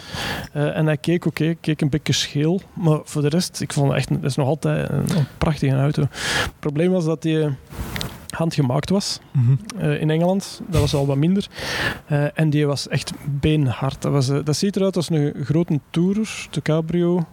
Maar in realiteit, die had echt zo... Ik weet zelfs niet wat de Nederlandse term is. De ballrose joints Hm. van de racewagen. Ophangen Dus van de gaat dat racewagen. ondertitelen. Dat is geen probleem. Voilà, eh, volledig vlakke ondervloer. ehm, Ja, ja, er waren veel, veel was- dingen die wel klopten Ze die zijn ermee gaan racen en eigenlijk toen dacht ik ineens, besefte ik, ah ja, ze hebben eigenlijk gewoon een racewagen ja, ja, gemaakt. die een, wat- een kleurtje geven om dan voor de weg wat te verkopen aan wat Ja. debielen die denken van, eh, van dat is een leuke comfortabele auto. Dus dat was echt Ja. een hele, hele harde, beenharde auto. Die, eh, ja, en, en ik vind dat heel tof. Lichte auto's met grote motoren. Ja. Ja. Daar, daar ben ik eh, Dat- altijd dat is het ultieme, hè? eh. Ja, Dat is het Dat- ultieme, hè. en dat was dus ja, mijn, mijn grootste... Ik heb die wel verkocht met verlies. Dat de markt volgt niet mijn liefde voor. dat is ook wel iets wat veel voorkomt, dat de markt... Maar dat is denk ik anders over iets dat ook niet bij u zou passen. Je zou toch geen auto's kopen als investering, of wel? Nee, Dat nooit, lijkt me nooit. inderdaad ook nooit. niet- Allee, nooit geweest, maar ik denk ook niet in de toekomst. Totaal niet. Dat Nee, helemaal passen, niet. Want, dat, kan, nee, nee, dat is echt belachelijk. Mijn vrouw die koopt eh, mode en die zegt dan dat is een investering. Ja. Mhm. Die dan twee weken later gewoon op de dressing op de grond ligt te rotten. bij mij, het valt nog mee, want ik vind wel, ben wel een advocaat voor bijvoorbeeld eh, eh, de Porsche. Mhm. Als ik ik nu uittel, hè, ik heb die nu tien jaar denk ik, hoeveel dat die nu nog waard is. Ja. Tegenover, ik, heb echt, ik heb in een tijd een nieuwe Volkswagen Golf Mhm. gekocht. Ehm, en een diesel, ik heb op twee jaar heb ik meer verloren eh, aan, Ja, aan kapitaal Ja. dan al die jaren. Hey, dan heb ik het Mhm. niet over brandstofverzekering en taxen natuurlijk, maar dat, Gewoon de ja, restwaarden. dat is en- allemaal niet zo belangrijk. maar voor de restwaarde en en ja, de kwaliteit ook. Die auto die rijdt nog altijd. Dat is echt absurd hoe goed dat die nog rijdt. Ja. Ehm, Maar ik denk dat wij hier alle drie wel een beetje zo voorstander zijn van rijden met auto's en niet zozeer een auto kopen om hem weg te zetten en over een paar jaar... Eh, nee, nee, dat is onmogelijk. hè. Eh, Nee. Ik zie ook eh, de zin daar niet van Nee. eh, een auto moeten rijden. Ja. Ja, maar dat, allee, als je mij over Porsche 911 praat, dan... Allee, dat is de, ja, de laatste jaren wel gedomineerd door investeringen en restwaarden Ja. en kopen om te bewaren en Ja, winst maar ik denk dat dat is toch maar een, een kleine minderheid. hè. Dat, is Mhm. zo, dat zijn de mensen die ook wijn en horloges en Mhm. er is niks mis mee. En dat is een ander Mhm. soort Dat is een passie op zich, hè, maar meer... dan- Maar het heeft zijn passie, weerslag wel gehad op de prijzen dan, denk ik, voor, Jawel. voor het gewone Ja, volk, zoals ik die daar ooit nog wel van droom. Maar Ja, Ja, Ja, de en daarom is het zo, ja. En je ziet dan de echte liefhebbersauto's, die, die, die, die, ja, die draaien veel kilometers. Hè. Zoals. Uw RS4 Ja. en eh Ja. eh, kilometers vliegen erop. is, hè. Hoeveel kilometer zijn er trouwens van plan om te doen met een, eh, met een M4? Gaat ook voor de 300.000? Of, eh? Ehm, dat zal er een beetje van afhangen wat er nog kan en mag. Hè. Eh, dus allee, er Ja. verandert heel veel op dat vlak. En ik, ik besef ergens dat dat waarschijnlijk de laatste echte mhm. semi-sportwagen zal zijn dat ik zal hebben. En daarna Ja. zal het waarschijnlijk veranderen. En daarmee dat ik er ook van, van wil genieten. Want Mhm. inderdaad, qua taxen en zo, dat is, dat is Ja. totaal niet... Eigenlijk is dat niet te doen om, om, om te kopen. Nee, tuurlijk. Maar goed. Je moet Ik maar ben- één zot Ik hebben. ben nog iets jonger en zoals ik er net ook zei, bij mij moet het lijstje nog gevuld worden. Dus ik wil het toch ik, heb meemaken. mijn, eh, ik heb mijn vrouw gevonden, hè, dus ik, ik hoef niet meer zo uit te pakken met dikke bakken. En, Het lijkt me dat je dan net meer verantwoording moet afleggen voor je keuzes. Of valt dat Ah, wel, eigenlijk in wel tijd, eh, de, eh, toen Elo de eerste keer op mijn oprit kwam, Mhm. stond die morgen er ook, buiten zelfs. En die, Dat er was zelfs verkocht, niet- ja, die, die keek ernaar en die zei, wat is dat voor een mottig ding? Die heeft er zelfs nooit ingezeten. Die, Nee? die, die was zelfs niet geïnteresseerd. En dat speelt ook wel mee. Dan heb ik die daarna terug weggedaan. ehm, Tuurlijk. voor iets anders. Om, maar dus ja, het feit dat als uw vrouw, dat is heel stom, maar uw Mhm. vrouw moet wel Mee dat leuk vinden toch? goedkeuring. Ja, Ja. anders ga je dat, ga dat altijd terugkrijgen. Dat is met ja, pijn ja, ook dan, Dat is een lelijk ja. ding, maar eh, daar Mhm. zoveel geld aan. Hey, dat kun is je niet vet. maken. Nee, het is, dat. Nu, eh, een, een beetje een odd one out in de lijst. Je hebt hem er net zelf even aangehaald. was die Golf, hè? de Golf 6. Eh, Ja. Wat was daar de, de redenering achter? Eh, dat was, ehm, ik denk dat ik toen een huis heb gekocht Ah, en dat ik snel gewoon, ah, en de Espas was ontploft. Dat was het. Oei, Dus mijn, maar niet meer ja, een klein detail. Dat was een zware periode toen. Mijn geliefde Espas. eh, en echt heel stom. al- ik had een paar kennissen en vrienden die in hun Espas allemaal hetzelfde euvel. Zo de derde cilinder was Mhm. erdoor geschoten Ja. door het motorblok. En dus de liefde, ja. was was- snel bekoeld. Ja, het sprookje was voorbij. Hè. Ja. Ehm, en dan heb ik eigenlijk gewoon, ik ben echt de VW-boer. En eh, ik ben al letterlijk binnengewandeld en gezegd, geef mij gewoon een auto, ik moet hier Mhm. eh, morgen ergens zijn. Ja. Ik heb gewoon een stokwagen gepakt en die is dan een half jaar later beginnen roken. Dat was echt absurd gewoon. En, maar als ik die opstartte, dat heel de straat zwart zag. Er was iets met roetfilters. Pas achteraf heb ik dan gehoord dat die mannen met, met roetfilters aan het, het cheaten waren. Ah ja. Mhm. Ik zeg niet dat het een met het ander te maken heeft, maar ik ben toen naar de garage gereden en ben toen onderweg nog tegengehouden door de politie. En zag ik ineens door de zwarte rook zo flitslichten die mij vroegen van meneer, eh, wat is de bedoeling? Ja, ja, ja. Heb ik uitgelegd, ik ben op weg naar de garage en als hem opgewarmd is, dan stopt het. Maar dat is verschrikkelijk. Dat was echt vers- dat was een verschrikkelijke ervaring. en dat was echt ja, een nieuwe auto. Dus ik wil maar zeggen, zo Mhm. nieuw en tweedehands, dat is ook een vraagstuk. Ja. Je kunt met nieuwe auto's eh, echt veel pech hebben. Mhm. Meer pech Tuurlijk. dan met Ja, het, het viel mij wel op. Eh, op de, de allereerste in de lijst was die een Innocenti Mini. Ja. Eh, en op die 912 na zijn het altijd relatief moderne auto's wel. Hè? Ja, als je eenmaal succes begint te hebben, dan kun je nieuwe auto's kopen. Hè. Dan moet je niet meer in van die oldtimers rijden. Eh, nee, Lief dat met zijn ja, SLK maar- van 300.000 kilometer. Ah, ik- dat is echt, je bent jong en Mhm. eh, ineens, ja, je denkt er ook niet bij na. Hè. Allee, ik heb met die Mini echt stoten het gehad dat je Ja. nu zou denken van fucking hell. Terwijl nu denk ik al wel meer na, want ik heb bijvoorbeeld zo op circuit rijd ik ook nog met een auto dat ik soms denk van, zou ik niet beter toch eens een Mm. M2 of, een, of iets groter, Ja. eh, iets Ja. steviger. Mhm. Maar voor mij is het toch wel ook zo de passie, eh, de, of de combinatie tussen de passie voor auto's, maar ik heb ook Mhm. heel veel passie voor rijden. Ik heb niet heel veel passie voor het technische ervan. Ik ben niet Ah, echt technisch onderlegd. Mhm. Nee, En ja, ik dus voor mij, ik zou inderdaad ook geen oldtimer kopen om er dan aan te kunnen sleutelen. Nee, Nee, wat ook heel veel mensen verloren doen, tijd, hè? Ja, Ja. natuurlijk. Maar Ja, het is ook, ik ja... ook. En ik heb, ik heb ook gewoon een passie voor leven. Dus ik wil ook niet, als er een in mijn gat knalt... Ja. Ja. Allee, Ja. ik, ik heb ook nog een passie om Of om- thuis om te komen. en Ja, of om maar een paar, paar weken per jaar te kunnen buitenhalen, omdat dan goed weer is. Om er- Dat is allemaal... Ik, ja, ik heb er ook... Ik zou niet weten wanneer ik zou tijd voor zou Nee. En dat- wat, wat doe, dat vraag ik me altijd af. Dus wat doen die dan? Gaan die een rondje rijden? Is dat Ja. gewoon rijden om te Dat is ook rijden? niet leuk, hè? Ik vind dat dus niks zo leuk als een, een afspraak hebben, een Mhm. werkgerelateerde afspraak. Mhm. Ineens denken van, oh fuck, het is goed weer. Ik pak de andere sleutels van Ja. wat er ook in uw garage staat. Ja. Om dat te combineren met, maar om nu, ik heb nog nooit in mijn leven, eh, nee, die morgen bijvoorbeeld, Mhm. dat ik heb nog nooit in mijn leven die morgen gepakt om een ritje te gaan doen. Dat is, dat lijkt mij een beetje raar. eh. En dan is er ook nog ja, de beruchte Donkervoort. Eh, ik vind dat een heel fascinerend merk persoonlijk, omdat ja, die zijn dan begonnen als zoveelste interpretatie van de Lotus 7, maar de producten die die ondertussen maken, dat is, onder, allee, dat is al iets helemaal anders geworden. Hè. Die basis zit er nog wel een Ja. beetje in, maar ehm, de GT die dat grijpt, is bijvoorbeeld ook al daar behoorlijk ver van verwijderd. Hè. Wat is daar de, de, de keuze achter geweest? Of de Eh, dat is eh, een zeer rationele keuze. ik heb met twee vrienden heb ik, hebben besloten een donker voor te kopen, omdat wij altijd voordien met onze Porsches eh, op circuit zaten. Mhm. Ik kwam soms op een maandag dan aan de crash met een baby afzetten met remmen die ontpiepen waren, die helemaal op waren, remblokken die op waren, banden die vol rubber hingen. Mhm. Zo, ja, je kent dat, hè. de auto's zien wel af op circuit. Ja. Op den duur was dat eigenlijk eh, economisch pff, was dat een beetje belachelijk aan het worden om met uw dagelijkse auto ook op circuit te, combineren. En dan zijn we binnen rondkijken en eh, is bij Donkervoort op bezoek gegaan. Mhm. Ehm, en ehm, ja, er buiten gereden hè, met, met zo'n GT. Eh, Dat is wel heel cool ook, hè. Als je daar, Dat als je daar ziet er komt... zo futuristisch ah, wel, uit. wat tof is, en dat is een, een familiebedrijf. Ja, Ja, ah, wel. inderdaad. Als wij Ja. nu een probleem hebben met een auto, ik, ik, ik stuur gewoon een sms naar Dennis en ik Mhm. krijg binnen het half uur een antwoord. Ja. Eh, t- van Wel, ik de man die Ja, de auto half eeuw ontworpen. Allee, dat is eh, het is. Ja, die personal approach kun je eigenlijk nergens hebben. nergens anders. Hè. En dat Nee. is eigenlijk wel heel tof. Het probleem is natuurlijk wel zo'n GT, die van ons is nu toch ook al op leeftijd. Ehm, Mhm.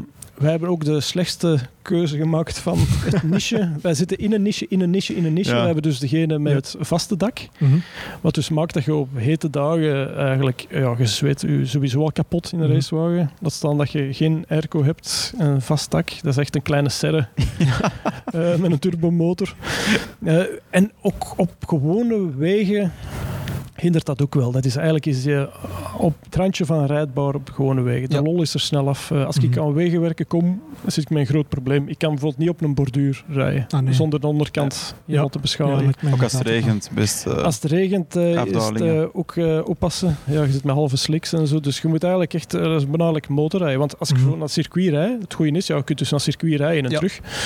Maar gewoon op de Brusselse ring, hoeveel keer dat ik al ben op de pechstrook moeten gaan rijden, om dan een SUV naast mij, en je ziet dat er die Ja. ruimte, dat Ja. er eigenlijk in een donker Ja. voort staat.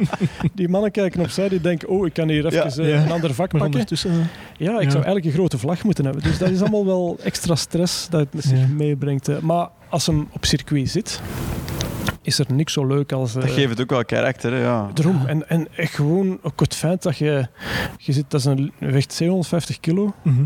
eh, heeft een, een kleine... Allez, viercilinder met een grote turbo. Ja. Maar je, wij rijden met auto's mee die drie keer zoveel kosten. Ja. En Ja. als wij nieuwe banden moeten steken, dat is... Allez, wij hebben... Eén achterband van een Porsche is voor ons Een volledig heel vier set. banden en Ja, ja. remschijven erbij. Ja. Wel. Dus als hem werkt in zijn, eh, zo een, heeft een heel kleine eh, marge. Waar dat hem, ja, als, hem, als alles goed zit, Ja. het is wat bewolkt, niet te warm. Dus eh, dan is het een hemel op aarde. Het is, Al de rest is soms wat Zijn er ook niet de beste auto's die zo... Maar op een... Allee, als, als alle planeten op dezelfde lijn staan, Ja. dat ze dan werken. Ik heb, ik Het heb, is, ik heb ja. nog een grappige anekdote over de Donkervoort, over uw Donkervoort. Ik reed met Kurt Stalhart, dus, hè, een van de mede-eigenaren, Mhm. op circuit. En ehm hem aan het coachen en, en plots komt zo de, de pin van de deur, wat dan ook het raamstuk is, zo. Ja. Oh, ja, komt eigenlijk los, maar die hoorde mij ook niet echt goed. Dus, dus ik zeg van ja, eh, Kurt, ah, pak dat maar vast. Dus ik had uiteindelijk al de helft van die deuren binnen tussen mijn, tussen mijn benen. En ik moest ondertussen die deur vasthouden dat ze niet ging vliegen. Maar dat is ja, het is een belevenis met zo'n auto, hè, maar Dat dat, maakt een trackday ook Ja. wel leuk. Want ja, ik bedoel, je kunt met perfecte auto's gaan rijden, ehm, maar wel, ja, als je dan in een, eh, GT3 stapt of een GT4, dat is ook eh, allee, dat is Dat is heel indrukwekkend. ja. Mhm. Maar wij beleven wel meer lol aan lagere Ja. snelheden Ja. dan Ja. Voor, eh, maar het is, ja, het is een toffe auto. Ik ben ooit eens op de Brusselse ring in de regen, toen, toen ik van Metek kwam, ook geslipt. En in de middenberm in het gras beland. Mhm. En dat heeft dus heel lang geduurd eer dat iemand mij zag, omdat het gras daar zo hoog stond. auto's dat ik er nog... heb dan eh, echt wel, want ik moest de politie bellen, omdat ze mij de weg even Ah, ja. afzetten, dat ik Ja. terug kon invoegen. Maar die vonden mij maar niet. omdat ik, ja... Dus ja, het soms wat praktische problemen, Ja. maar Ja. het is wel een heel tof merk, vind ik eh, Ja, persoonlijk. ik, ken, ik ken inderdaad niet veel mensen die er een hebben. Ik weet alleen Sjoerd van Bilze, van, eh, de, de Nederlandse wandelende auto-encyclopedie. Maar het is echt, en dat is heel grappig. Allee, grappig. Dat is fascinerend om te zien. Die Donkervoort familie, de Mhm. meesten die eh, vervangen hem gewoon door het nieuwe model. Een Ja, dat is zo. En je krijgt een soort Ja. verzadiging van de markt. Want er komen weinig nieuwe familieleden bij. Maar wat dus wel maakt dat uw, uw restwaarden, eh, ik denk dat die van ons, ik denk dat we zelfs geen geld gaan verliezen. Dat, dat is, is, eh, ja, dat zijn zo'n exclusieve auto's en er zo Mhm. weinig van gemaakt. En ze, zijn, ze zitten echt goed in elkaar. Donkervoort, eh, qua, qua ontwerp van mechaniek, Mhm. is dat wel toppen. Is dat qua basisontwerp eigenlijk ondertussen al veel verder geëvolueerd van het, laat ik het maar het 7 ontwerp Ja, noemen? volledig. Dat is zelfs, Ja. Als je die twee naast elkaar zet, heeft er niks meer Mhm. mee te maken. Nee. Het is, eh, enkel de sigaarvorm zit er een beetje Ja. in. Maar dat, is, dat heeft echt niks mee te maken met qua ophanging, qua chassis. Veel volwassener, hè? Ja, Ja. veel ja, meer body qua ook motor ook. Ja. Het is Ja. niet te vergelijken. Nee. Heb je ooit een Caterham overwogen of, of was het sowieso... Nee, nee, nee, omdat die ook zeer, zeer lelijk zijn. Eh, dat is, ja, ik hou van auto's met karakter, maar Mhm. je kunt ook te veel karakter hebben. Dat is echt... Ah, ja. eh, nee, een Caterham, dat vind ik nu eens echt... eh, dat, is, ja, dat is echt een sigarenkist met... Mhm. Ik Nee, ga bij mijn die bureaublad-achtergrond niet laten zien dan. Ja, nee, nee. nee, nee, maar pas op. Hè. Ja, ja. Het is dus voor... Allee, niet... Ieder zijn ding, hè? Ja, Ja, tuurlijk. hè. er zijn mensen, Android-gebruikers, eh, Ja, ja. dat mag, hè, die...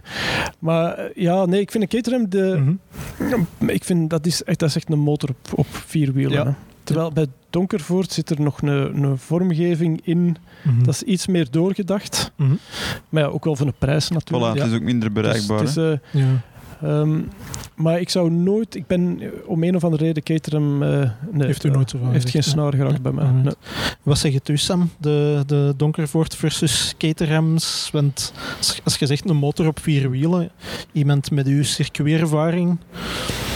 Ja, ik snap wel zo de lol dat je ermee kunt hebben. Mhm. Maar bij ons is dat altijd zo, de, de focus ligt iets anders. Hè. We zijn altijd Ja. op zoek naar performance. En als je dan puur naar performance kijkt, is dat Ja, sowieso nee, niet het beste wat er is. Hè? Ja. Ehm, dus als raceplots zijn sowieso een beetje verwend op dat vlak. Mhm. En je zoekt altijd, als je met een auto rijdt, je zoekt naar, naar dat, dat extra dat je kunt halen uit een rondetijd bijvoorbeeld. En met die auto's, ik snap dat dat heel hard spelen is, maar je gaat daar nooit een beste rondetijd mee halen. Dus voor mij persoonlijk, ik snap, dat, ik snap de gedachte waarom dat je zoiets koopt. En ik Mhm. snap ook waarom dat je ermee rijdt. Als je racing niet als job hebt, Ja. dan is dat logischer. Maar en, en vooral bij Caterham, even voor de volledige, heb je een Caterham? Nee, Ah, Oké, voilà, dan kan ik vooruit ik, ik praten. heb geen geld, dus... Dus, eh, maar van een Caterham, voor mij ziet dat er nog altijd uit als eh, zo gewoon stukken van andere, Ja, een kitcar. Ja. ja, stuk, stukken ja. van De andere merken allemaal samengekletst Ja. en we opgevezen en gaan rijden. Ja. En dat rijdt waarschijnlijk super plezant, Mhm. maar ik, ik hou niet van zo... Bij, bij Donkervoort ontwikkelen ze zelf, eh allee, halen ze nog wel veel van anderen, maar ze Ja. ontwikkelen vel- zelf heel veel onderdelen. Mhm. En dan merk je dat, zie je, je ziet dat echt als een auto. Terwijl een, eh, ja, Caterham is kitcar-achtig. Maar dat is wel zo, ook wel regionaal gebonden, denk ik. Want ik heb, Dat ik heb twee jaar wel, voor ja. een Engels team gereisd, Formule 3.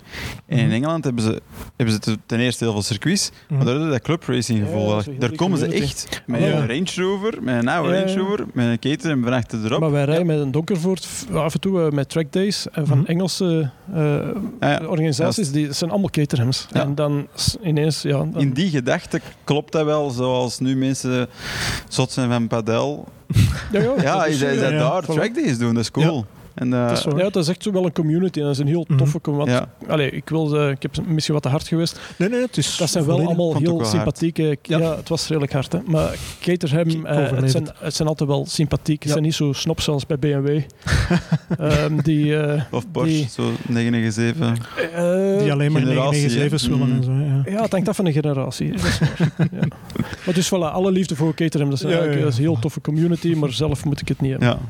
Eh, om even terug naar de autolijst te gaan, er stonden ook een paar keuzes op die mij een beetje eh, ingegeven te zijn door de boekhouder. Zo de X540e, de 745e. Hmm. Hebben ze u nog geen elektrische auto aangeraden? Of zeg je van, Maar- dat wil ik nog uitstellen? Of... Een van mijn grootste passies is eh, zelf VAA ontwijken.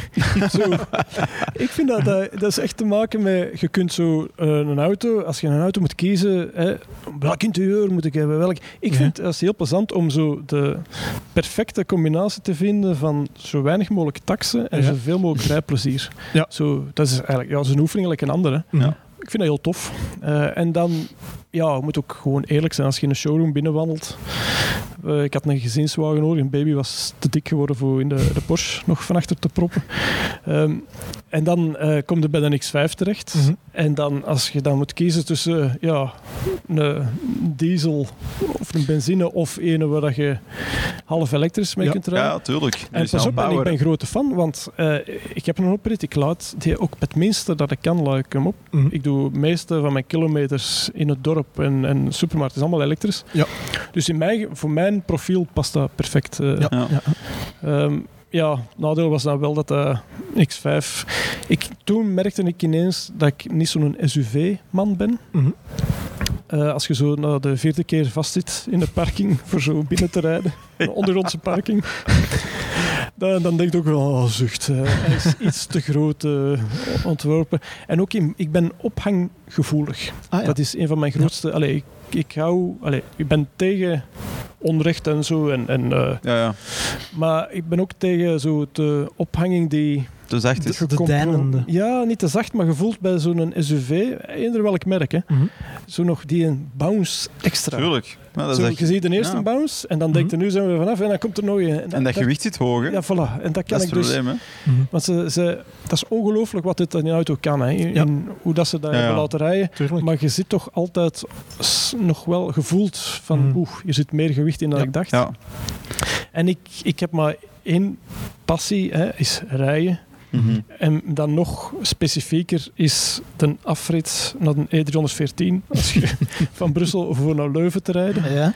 Dat is Dat mijn is bocht. bocht. Dat is Ja. echt mijn bocht. Ja. En dus dan komt er met een X5 uit de showroom en dan denkt hij ineens van, oh jee, dat is toch iets anders dan. Maar pas op, hè, dat is super praktisch. eh, Ik vond het echt een hele, hele goede auto. Maar dan als die dan was eh, effectief, taxgewijs, is dat een logische keuze. Hè. Ja, Eh, ja. En daar heb ik dan voor doorgetrokken. Je kunt, niet, je kunt geen goede zaakvoerder zijn Ja. als je je passie in de weg laat zitten. Dat is toch absurd om daar... Ik kan u trouwens ook nog een hele goede bocht aanraden als je van de Brusselse ring de wisselaar naar de E40 neemt en dan de afrit Groot Bijgaarden. Ah, ja, ja. richting. Ja. Industrie Gosset, daar waar Ja. de standaard en zo heeft gezeten. Er zit zo op het laatste nog ene knik in de Ja. dingen.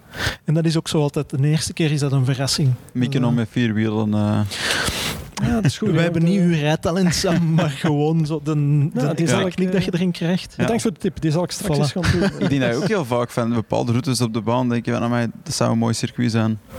Ah ja, zo. Ja. Maar de gewone weg is geen racecircuit. Nee, ik Nee. het. Dus Ik moet toch nog eens benadrukken voor alle leren. luisteraars. Dus, eh, ehm, waarom heb je trouwens ook voor een, 7-reeks gekozen en niet voor de S-klasse bijvoorbeeld? Ik had hier ook weer niet te luid zeggen, maar als je zo in, in dat segment zit te kijken, wordt dat altijd een beetje aangehaald als de Ah, ja. referentie. Ehm, Omdat ik, eh, ik heb echt niks met Mercedes. Ah, nee. Eh, Ja. ja. weinig. Eh, ik ben nog niet Mhm. oud genoeg, denk ik, om... in ene gezien te worden. nee, nee. En ook gewoon, ja, ik vind dat zelfs geen, geen vergelijking mogelijk. Als je een S-klasse ziet of een, een 7-serie naast elkaar. Je hebt, allee, de ene Focus is kitsch anders. en de andere is fris en modern. het is eh, beide voor de oudere mensen Ja, van stand. Eh, en ik ben een oude ziel, eh, dat wel. Ja. Maar ik ben na die X5 overgestapt op de 7. Mhm. omdat dat eigenlijk gewoon ja, een platter is. Hè. Dat rijdt eigenlijk een pak toffer, vind ik. eh. Ja. Minder gewicht en ge- een lager zwaartepunt. En ik had nog altijd een grote auto nodig. En als een 7-serie goed genoeg is voor dictators in de wereld, is hem goed genoeg voor mijn kleuter van vijf jaar. Ja. Ik heb die eigenlijk gekocht om, om te zeggen hoe rationeel dat ik soms ben in mijn gewoon leven en hoe totaal absurd, Mhm. Ja, irrationeel in mijn keuze voor auto's. Ik heb die eh, gekocht toen ik ehm, op een testexemplaar merkte dat eh, als je de zetelverwarming instelt, Mhm. dat je elleboog Ah, ja, bij de deur en aan beide kanten hè, opwarmt. Ja. En als je het van de passagier niet opzet, je, eh, het middenconsole, de kant van de passagier blijft koel. dus het is echt uw Ja. leven. ja, ja. En toen dacht ik echt van, hoe heb ik hier al twintig jaar kunnen Naast rondrijden in auto's zonder elleboogverwarming? Ja. Dat is, it Ja. boggles the mind. Ik wil zeggen, maar mensen moeten mij maar corrigeren als het zo is. Ik zie uw elleboogverwarming, maar de S-klasse heeft nekverwarming, zo in die, in die kussentjes van achter. Ja, ik weet het, maar ik blijf... Maar dat is ja. toch echt anders. in Een S-klasse is- absoluut. Het is een fantastische auto, Ja. vind ik. Maar dat is ook voor, ja, voor de eigenaars, die hebben al zoveel rimpels, dat die in elke Nek- rimpel moeten die... Dat moet. Ja. verlucht worden. Nee, ja, bij BMW zo, dat zit in DNA gewoon die, die sportiviteit. Ja. Dat steken ze in al hun auto's. Ja, en ik heb bij, mij is dat ook terug. iets persoonlijk, maar ik heb in een tijd, eh, eh, ja, ik had een atelier met Kamagurka, Mhm. eh, jarenlang gedeeld. En ik was een chauffeur als hem op tournee ging in Nederland. En als hem dan een auto, moest een auto gaan kopen eh, om vele kilometers te gaan rijden. Dus wij zijn naar de BMW garage geweest. En ik had al gezegd tegen, tegen van als je een beetje wilt overkomen of dat je iets van auto's kent, dan moet je eh, tegen auto's tegen hun banden gaan trappen. Zoals ze deden op de markt vroeger, zien dat er nog lucht in zat. En dus Luc heel serieus, mhm, mhm, oké, oké. En we komen er binnen, ik begin met die verkoper te praten en de nieuwe X5 was toen net uit en eh, dat model, dat model. En ik hoor Luc in de showroom al zo trappen tegen banden. En die man is al wat raar aan het kijken. Als Luc daar ineens een band mist en keert met zijn voet in het, echt in het koetswerk van zo'n Oh. auto, ik weet niet welk model, echt bang! Ik heb al snel het gesprek kunnen verleggen, maar dat was heel, heel raar. Eh, en uiteindelijk ineens horen wij van, ik neem deze. Horen wij zo'n stemmetje. Mhm. En we gaan kijken en Luc zat dus in de, op de achterbank van een 7-serie op zo'n ronddraaiende schijf. Die auto stond daar zo rond te draaien. en hij was zelfs niet vooraan gaan zitten. We- Echt op de achterbank. hè. Ja, maar dat is ook de beste dat plaats is de beste plek. Ja, voilà. dat is een feit. Die heeft hij toen blindelings gekocht, eh, zonder mee te rijden, met eh, als optie een ijskast in de koffer. Omdat hem de gewoonte had. We gingen altijd eh, in Gent, voordat we vertrokken, eh, stopten we aan de visboer, want hij wou altijd verse maatjes. Mhm. En daarvoor had we een saap en hij is een paar verse maatjes in zijn auto vergeten uit te halen toen hij tijdens zo'n show zo een halve dag in de zon stond. Oh god. Dus eh, hij moest eh, een auto hebben met een ijskast en een faxapparaat. Dus er zat een faxapparaat op de achterbank. Dus eh, als de chauffeur aan het rijden was, Mhm. kon hij ondertussen cartoons tekenen En voor actualiteit. Moesten we even stoppen langs de weg voor met de gsm een verbinding te maken en dan faxte hij dat gewoon door. Dat was nog voor tijden voor het, de smartphone. Ja, ja. Maar ik heb dus heel lang met een 7-serie als chauffeur gereden. Ja. Eh, En dat was de eerste, die ook een originele, de lelijke, zogezegd een Bangle design. Mhm. Ik vind het altijd fantastisch. Ah, Ja, ik dat ook. zijn wel auto's die schoon oud Die geworden zijn. blijven, ik. ja. Voor mij is, de zes toen ook, een, eh, een, Mm. een visionaire man. Die is eh, met pek en veren overladen, maar ik Mhm. vind dat totaal fout. Ja. Dat is origineel Absoluut. en fris in tijd en dat blijft er nog altijd ja, interessant uitzien. Ja. hè. Ja, die worden heel gracieus oud, hè. Die, Ja, voilà. die Bengal-modellen. Ja. En dat is heel stom, maar dan, zo werken de mensen, hè, mannenhersenen dan, en Mhm. vrouwenhersenen ook waarschijnlijk. Als je in iets hebt gereden, dat is een ervaring, dat zit ergens Mhm. een bloedklontertje. Dat is een vast. emotie, hè? En Ja. ineens komt voilà, Ja. en dan Ja. zit op zoek naar een familiewagen. Ineens komt die klonter los Ja. en is dat terug, pats, ik moet Ja. een zeven. Ja. Voilà. Dus voilà. Ja. Dat sluit misschien ook wel een beetje aan bij dat karakter waar, waar dat we het er straks in de motorsport over hadden. Hè. Die, dat waren echt zo gedurfde auto's, waar dat zo tegenover de, de, Ja. de wat saaiere dingen zal Voilà, ik het maar en dat is mijn probleem nu. En echt Mhm. een groot probleem. Hè. Ik vind het echt maar schandalig. maar, mag ik mij tot de camera richten? het probleem is, ik ben als autokenner, echt, Mhm. ik zou tot tien jaar geleden, ik ken elke auto van aan de achterlichten. Zo, kom Ja. bij mij, willen dat doen met enkel achterlichten. Ik had alles naar huis gespeeld. En dan is Audi begonnen met al zijn auto's hetzelfde Dezelfde te maken. achterlichten En te Mercedes is gevolgd. En BMW is een beetje gevolgd, maar die zijn nu terug Mhm. de andere kant op gegaan. En dat vind ik dus de doodsteek voor... Waar- waar- waarom moet een, een Audi A4... Ik kan het echt niet meer zeggen. Is het een A6? Ja, is zo. Een Het heeft zijn A4, grote- Een ja. A5 of coupé met vierde. Het, het is Mhm. echt... Oh, allee, ik vind dat een saaiheid, Ja. een voorzichtigheid. Het zal wel zijn reden hebben. Mhm. Maar ik vind dat jammer. En daarom dat ik zo blij ben dat BMW nu met een M4 en een Mhm. M3 en die hebben een totaal andere richting ingeslagen. En dat vind ik echt positief. Je moet terug auto's hebben waar top. mensen voor of Tuurlijk. tegen zijn. Mhm. Ja. Er is niks zo leuk als, als iemand moet- uitlachen voilà. met zitten weer met een lelijke notte weer of niet. Daarom die 7 met die grote neus. Ja. Ja. Iedereen zei ineens van eh eh, grote neus. Maar Mhm. die beseffen niet dat een, een A8 of een Mercedes, die Ja, neus ja. is minstens even groot. Mhm. Maar ineens valt dat meer op. En ja, als mensen, een, ik, zoals op de speelplaats, als mensen, kinderen een kind pesten, Mhm. dan zal ik de vriend worden van het gepeste kind. Ja. Dat als meen jij ik. het gepeste kind was. Dat meen ik, Sam. of als ik de beste was. En hetzelfde met, met de 7-serie. Als iedereen tegen de 7-serie is, ah wel, dan koop ik er een. Ja. Dat is eigenlijk mijn Ja. reactie. hè. Dus Ehm, wat staat er zo nog op de bucketlist onder andere? Eh, want in Humo had het bijvoorbeeld in datzelfde Humo-interview over een jaris die je graag zou Ik neem aan dat dat de GR-jaris was. Eh, ja, ja, die heb ik ook eens. eh, mijn vrouw is wel gesponsord. En ik kijk weer naar iemand van BMW. Mhm. die, dat is een Toyota-meisje voor de Olympische Spelen. Ehm, en die is eh thuisgekomen, ja, zo'n de, de Yaris Ja. GR. En ja, dat is hetzelfde, hè. een grote motor Mhm. eh, met een kleine auto. Dat is altijd, noem mij een auto die, dat heeft, die niet leuk rijdt. En Ja. ik noem u een leugenaar. Dus, eh, nee, het is, dat is gewoon, dat is echt ja, Mhm. ongelooflijk plezant. Ja. Ik vind, eh, dus zo'n dingen. Maar het probleem is, in mijn, mijn praktisch leven heb ik geen plaats voor zo. Dat zou, Het is er nog moeilijk bij te passen. Ja. ja, die zou op de oprit veel te lang blijven staan. En dat is ook weer zonde. Want het Mhm. is, ehm, ik, er moet nog altijd iets praktisch bij zitten bij mij. Hoe zit dat bij u, Sam? Want de laatste keer eh, dat je bij ons bent geweest, dan hadden we nog een Julia op het oog, maar nu is het toch iets anders geworden. Ja. Er nog zo vreemde bucketlist-keuzes of eh, dingen waarvan dat je zegt, "Goh, als ik mij nu toch ga bedenken, dan zou het toch voor dat zijn? Maar ik denk dat dat ook wel een beetje samenhangt met je woonplaats. Ik woon echt Ja. in, in Antwerpen-stad. Ik heb één parkeerplaats dat ik er huur ondergrond. En, eh, voor een arm en een been waarschijnlijk. ja, voilà. Dus eh, ik kan blij zijn binnenkort dat ik, dat ik met een nieuwe auto daar, daar kan parke- parkeren, maar ik heb niet echt de plek om dat te doen. mhm. En ik denk bij mijzelf is dat ook, ik zou ook graag eh, ooit een Porsche hebben gehad en dit en dat. Ja. Oké, dat moet je kunnen betalen op een bepaald moment. Dat, is, Mhm. dat is één ding. Maar ook, ik race met zoveel auto's dat ik Ja. minder die drang heb. Ja. Ik ben echt een autofreak. En Mhm. als ik met mijn vriendin ergens ben en ik zie een Porsche staan, dan trek ik er waarschijnlijk nog een foto van waar ik nooit meer naar ga kijken. Maar ja, dat, zit erin. Maar ik, Klinkt wel heel zielig, maar kom. Ja, maar je kent mij ondertussen Ja. al een beetje. Dat is, eh, nee, het, het gepeste kind, hè? we zaten niet in dezelfde klas. Ja. Rome is maar 50 jaar ouder dan mij. nee, ehm, dus ja, ik, ik wil wel zo'n een echte oldtimer Porsche, dat, dat staat er nog wel ergens op. Mhm. Maar voor de Ah, wel, maar dus mijn probleem, ik ben dus nu actief aan het denken om eh, een 993 Ja. en dan nog de Cabrio. Ik weet dat dat een foute Oeh, keuze ja. is, maar ik vind ook als het toch maar een derde, vierde auto is, dan Mhm. moet het eh, het dak eraf kunnen Ja. op de mooie dagen. Maar heel stom, maar ik word dan eh, ja, praktisch. Je kunt Antwerpen niet meer binnen binnenkort. ja. Brussel, Leuven, Gent zal allemaal volgen. Het zijn wel steden waar ik veel moet zijn. Ja. Dan ineens hebben we weer minder vrijheid. Mhm. En dat begint zo te denken ineens van fuck, wat moet ik dan...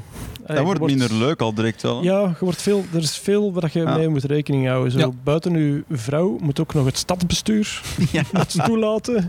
De, de belastingsdienst. Eh, Exact. Het is, Ja. het is een moeilijk, moeilijke oefening tegenwoordig. Eh, ik ga nog eens even naar datzelfde interview verwijzen. Niet dat heel mijn voorbereiding daarop stoelt, maar dat is puur toeval. Maar ehm, de, er was ook een vraag naar verluid. Zou je jezelf beschouwen als een bovengemiddeld chauffeur en andere weggebruikers tracteren op dubbele pijpbewegingen? Zeg jij, eh, ben jij iemand die je snel ergert in het verkeer? Ehm, Of valt dat mee? Of... Ja, dat valt wel mee, maar Mhm. ik ben wel iemand die, zonder dat ik het besef, ik vloek heel veel. Doet niet iedereen dat eigenlijk? Ja, Ja. Allee, als ik bijvoorbeeld zelfs gewoon iemand op het zebrapad wil overlaten, dan is dat, doe ik heel vriendelijk, maar dan Mhm. nog betrap ik mij dat ik die eigenlijk Tuft je uitmaak. tegen raad. Nee, Ja. dat niet, maar eh, ik, ik gooi er nog een scheldwoord tegen. Of Ja. een, Mhm. maar dat is amicaal. Hè. Maar ehm, ik kan me wel ergeren aan mensen die niet opletten in het verkeer. Ja. Ja. Dat, dat vind ik... Mhm. Dat is, ja, mensen die op een... G- Je ziet gewoon, als mensen met een gsm bezig zijn... Tuurlijk. Ja. Mensen die in het middenvak Ja. blijven rijden, totaal onnodig. Mhm. Eh, ik, eh, ik word er niet kwaad van, maar ik erger mij eraan. Ja, en dan zal ik inderdaad daarvoor gaan hangen en heel hard op mijn rem gaan staan. En inderdaad, ik zal hem. As we all do. proberen in de pechstrook te rijden. Ja. Maar nee, voor de rest is dat... Ik, ik kijk dan Mhm. eens, hè, met Ja. zo'n dubbel look. Kwade blik. Ja. Voilà, die dingen. En ik doe het enkel als ik alleen in de auto ja. ben, want ik, Ik- mag ik- dat niet ah, voor mijn vrouw. Ik heb dat wel. Ik, ik haat Ja? gewoon de onkunde van mensen in het verkeer. dat is het probleem. Ritsen bijvoorbeeld. Iedereen denkt, ah, je moet Ja. zo vroeg mogelijk. Nee, de regel is tot het einde Tot het rijden. einde. En als iedereen dat doet, dan is het vlot. Ja. En als je dat dan doet, dan heb je gasten in de pick-up die willen uitstappen. En je denkt, oké, ik ben ik ben echt... Allee, ik wil wel, maar ik ben niet sterk genoeg ervoor. Terwijl je gewoon als allee, je- gewoon een simpele M3-eigenaar, jij wilt gewoon toch invoegen volgens de Exact. Zonder te pinken liefst, hè. Tuurlijk. Heb je die optie aangevinkt, Sam? Ja, ja. Zijn er neuroses trouwens ook? Ik vind dat altijd een hele leuke om te vragen, want ik heb dat heel hard in een auto. Zo knoppen die in een bepaalde richting moeten staan. Of de, de ergste vind ik zo, als er nog een aansteker in zit, dat de rook van een aansteker naar boven moet kringelen. Hebben jullie zo... Daar kun je hulp voor krijgen, zo voor die aandoening. Ik heb Dat het juiste kanaal nog niet gevonden. Dus Ik het is- ben wel heel gevoelig, omdat je dat nu aanhaalt, aan eh, het aantal eh, lettertypes in een Ah, auto. ja.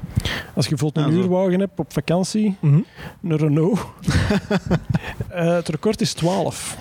12 Serieus? verschillende lettertypes. En dat gaat dan van eh, over de kilometriek tot de knopjes, dat, is, dat je denkt van... Allee, en dan merkt je ineens, want er is nu iemand van BMW erbij komen staan, hoe, hoe de details bij een BMW kopen. Ja. Dat is echt, hè? En daar ben ik jaren voor. zeer gevoelig aan. Wat dat wil zeggen dat er is over nagedacht. Mhm. Bij die eh, Renault, ehm, en pas op, ik ben fan van merk als eh, voorzitter van de Espas, vriendenclub. maar, maar je kunt dat toch niet maken. Dat wil toch zeggen dat je daar geen oog voor hebt, voor Ja. detail. Nee, dat Eh, klopt. dat zijn, zo, dat zijn toch dure dingen. Mhm. Je zit veel in een auto. Mag het nog? Is gewoon één lettertype. Voor, Ja. eh, hetzelfde- Je gaat toch ook geen boek lezen waar elke pagina een ander lettertype. Dat is Nee. gewoon Mhm. irritant. Ik, ik ben nu, eh, ik vind het tof dat ik het nu kan aanhalen, want ik ben nu met een Subaru aan het rijden. De Subaru Outback, die hebben dat heel hard kwaliteit. Daar is ook eh, een behandeling tegen te vinden. Wat ook. Dat is, ook, dat is ook te behandelen. Ja, Die maar ik, ik mag hem nog teruggeven, dus Ah, het is niet met mijn eigen geld betaald.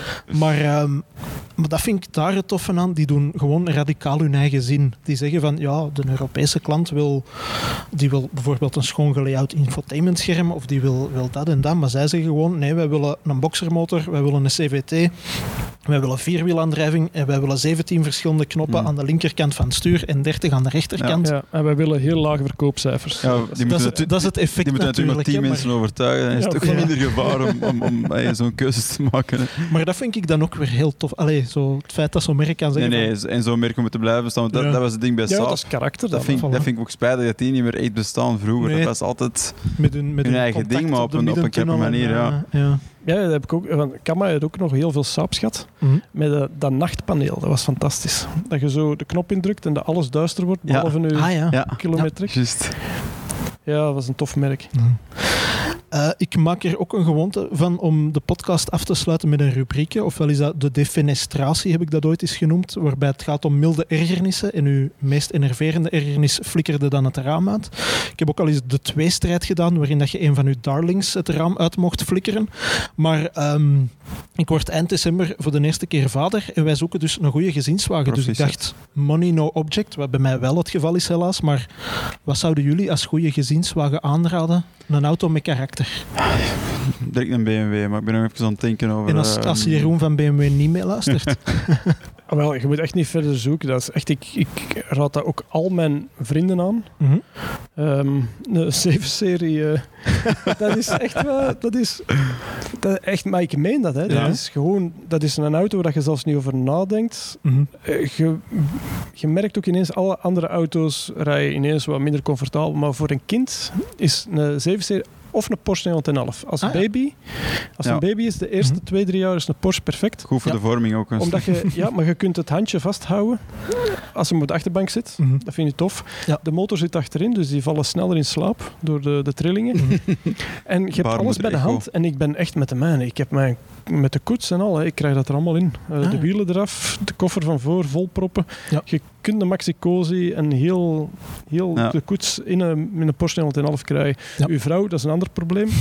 maar ja, dat moet zij dan maar weten. Ze heeft ooit eens op de achterbank van een 911 gezeten en dat vond ze niet tof. Ja, Dat nee, is, dat eh, kan ik wel geloven. maar dus voor, je kunt, ja, als je niemand anders moet meepakken, je kunt Mhm. heel lang met een Maxi-Cosi Ja. en 911. En dan moet je overstappen naar de 7-serie. Ja. Eh, omdat je daar... Ja, je hebt echt... een- Sorry, maar een kleine die zijn eigen gordijntjes kan open en toedoen. Die, die eh, alle knopjes, Ja. die, die is Dat zoet. is een grote speeltuin eigenlijk. Dat is een speeltuin. Ja, voilà. Ja. Voilà. En die is ja, ook zo geïsoleerd. Eh daar komt echt tot rust. eh. Ja. Alright. Dus eh, ik ga zoiets eens met de bank moeten praten, denk ik. Want eh, Nee, nee, maar ik denk dat Jeroen, hier bij BMW zullen ze wel... eh, Jeroen, die helpt. het is dat. Alright. Jeroen, Sam, waanzinnig hard bedankt voor de tijd die jullie vandaag voor ons hebben willen vrijmaken. Eh, dit was eh, de roadtrip voor deze keer. Over twee weken zijn wij er opnieuw. Iedereen die via YouTube gekeken heeft, bedankt. Iedereen die geluisterd heeft, ook bedankt. En tot over twee weken.